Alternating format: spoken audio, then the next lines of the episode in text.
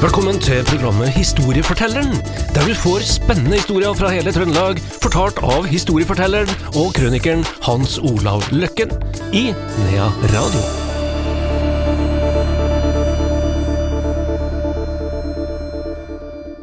Velkommen til et nytt program i serien Historiefortelleren. Velkommen til deg, Hans Olav Løkken. Jo, takk du. Vi skal til Færen, og vi skal til en eh, Ja, vi skal til drukningsulykke, faktisk. Ja, det er eh, en av de mer kjente og tragiske eh, drukningsulykker som også da har, har laga noen rykter og noen, gode, noe, skal vi si, noen sekundærhistorier da etter selve drukninga. Og Vi skal da eh, tilbake til en lørdagskveld den 17. juli i 1915. Da hadde han eh, Mikael Kulseth, det er jo da Selbygg, fra Kulseth-familien som vi skal komme inn på litt senere, eh, de, eh, han bodde jo i og for seg på Hegra, og eh, gifta seg og flyttet hjem til Selbu, og hadde jo fem barn. Og han, Mikael Kulseth der, var 35 år og, og var da arbeidsformann inne på Sulamoen, inne på Færen. Og den lørdagskvelden her, da, eller den lørdagen, så har han tatt seg nedover da, i lag med to ungdommer, en som het Ivar Wold og en som het eh, Gustav Ødegård. De var av de yngre blant det her arbeidslaget, og de skulle da ta seg ned i bygda, og brukte da en uh, liten sånn lettbåt uh, bortover Færen og, og, og, til en plass da som heter uh, Jeg husker vel ikke hva den het, den der holmen, men den holmen der i hvert fall i, ved, ved, ved, inngangen til, til, sjøen, da. Og eh, Likkjodden het den, Likkjodden. Og fra Likkjodden da, så gikk de ned i bygda, forbi NM-arenaen, skulle jeg si, da, og ned i bygda. Og det var en litt spesiell kveld, for dette var de skulle få lønning. Jeg skjønner liksom ikke hva de skulle med lønninga inn i Solamona, for det var jo ikke noe å bruke pengene på, da, men, men de var veldig opptatt av at de skulle ta med lønninga oppover, og det er et viktig poeng i historien her, at de hadde med en del penger, da. Så uh, skulle de også ha med selvfølgelig det som kanskje var enda mer viktig, det var en, uh, en spritdunk, Ja, og den var visst tung å bære. Det var nok den de venta på, og det var en del andre varer og sånn, da, derfor var de tre stykker. Så de fikk unna sine, sine oppdrag nede i bygda, og skulle gå oppover igjen, og da ble han med en som het uh, Jon Langsåbakk, for han var postbud i utkantene, så han ble liksom med dem oppover, da. Og eh, likeens var det en Kvernmo, Lars Kvernmo, han hadde hest, og han skulle besøke kjerringa som var på budeiet på, på Vollen. Og Det var jo ofte sånn i helgene at valgfolkene de dro på Sætervollen for å gjøre litt forfallende arbeid og kanskje litt slått der også. Da, så han hadde med seg hest, og det var jo bra for de andre, for da fikk de på en måte skyss oppover, da. Og eh, de hadde da satt seg for å hvile på den her eh, Likkjodden før de skulle gå om bord i den båten sin og så ro over ferden inn til Sulamoen. Da.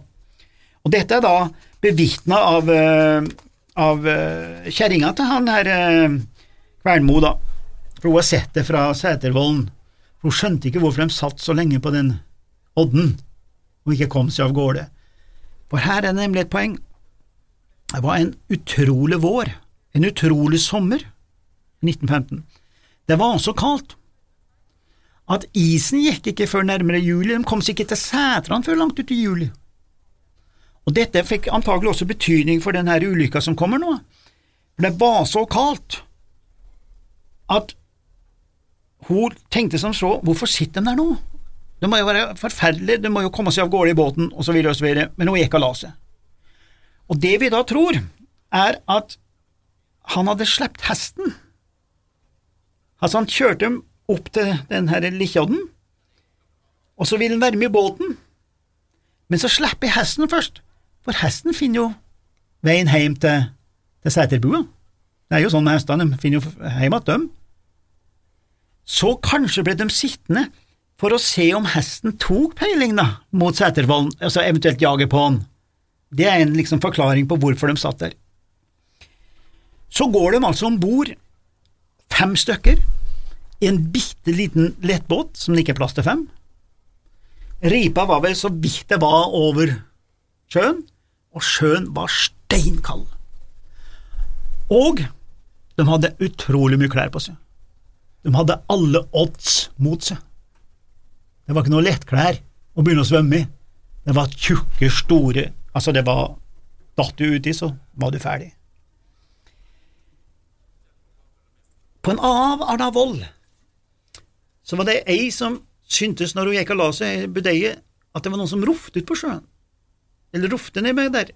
Men uh, hun hadde visst sagt som så da, til, til lensmannen at uh, nei, jeg trodde det var bare noen som var ute og tok seg en fest eller noe sånt. Så hele området gikk til ro. Og de herre folkene kom jo ikke om kvelden, så de fikk seg ikke noe fest, vet du. Og dermed så ble det jo satt i gang, da, et eh, søk, og eh, de lette og lette og lette. Det var ikke noe å finne. Ingenting å finne. Men så fant de pengeveska uten penger. I den veska var det enten 4000 kroner eller 7000 kroner, og i 1915 så var det utrolig med penger. Det var altså tiårslønninger. Ja. Hvor er det blitt av pengene? De fant fire luer, men ikke den femte. Båten var da kommet inn til land, altså. De fant jo båten. Og uten å være for konspirasjonsteorimessig menneske her nå, så hadde de vel slått seg til ro, da, de mer logiske menneskene, at de har drukna. Det var ikke noe å gjøre. Og dette var folk som har mista mye folk òg. De var vant til han Kvernmo, for eksempel, han Lars Kvernmo der, da, som skulle besøke kjerringa. Far hans hadde drukna bare noe fem år tidligere. Han mista en sønn som hadde nettopp drukna. Ja, det var hele sju i den familien som drukna i løpet av bare noen få år. Og da jeg snakka med en Ole Brentrød, en sånn kjent politiker oppe i Meråker, han er veldig historieinteressert, så han har fortalt mye om slekta. Og Det er nesten vondt når han begynner å fortelle, for det er så mye ulykker i den slekta. Og det er likeens med en, en annen familie som også mista ganske mange i drukning. Så jeg begynte liksom å tenke, ja ja, ei drukningsulykke er det noe de bare tar og er ferdig med. Men det er jo veldig interessant med de her kullsettene, da.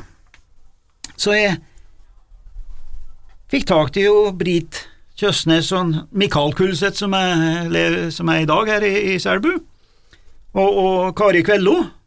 Dette er også nærmeste slekta til han her Mikael, da, som var arbeidsformann, og som da skal ha drukna.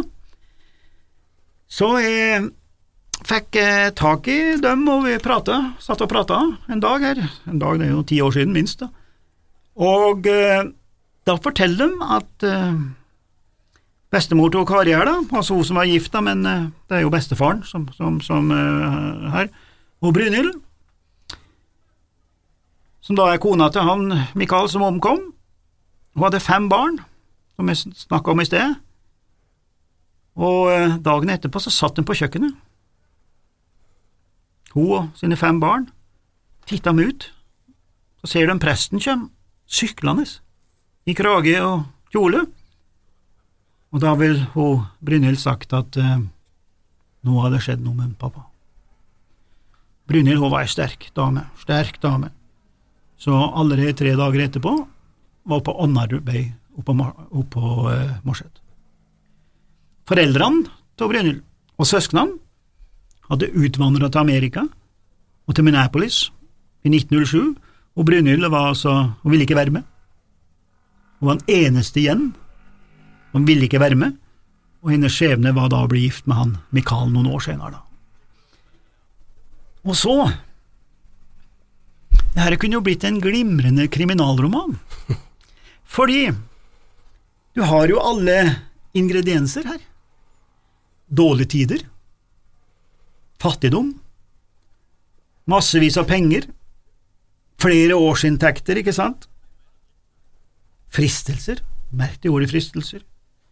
Ungdom, tom postveske funnet, pengene borte, Fire luer. fire luer, spritkaggen. Så er, Det er jo merkverdig. Så er noen helt sikre på at det ikke var en av de fem som gikk rik, men ulykkelig videre gjennom livet et eller annet sted.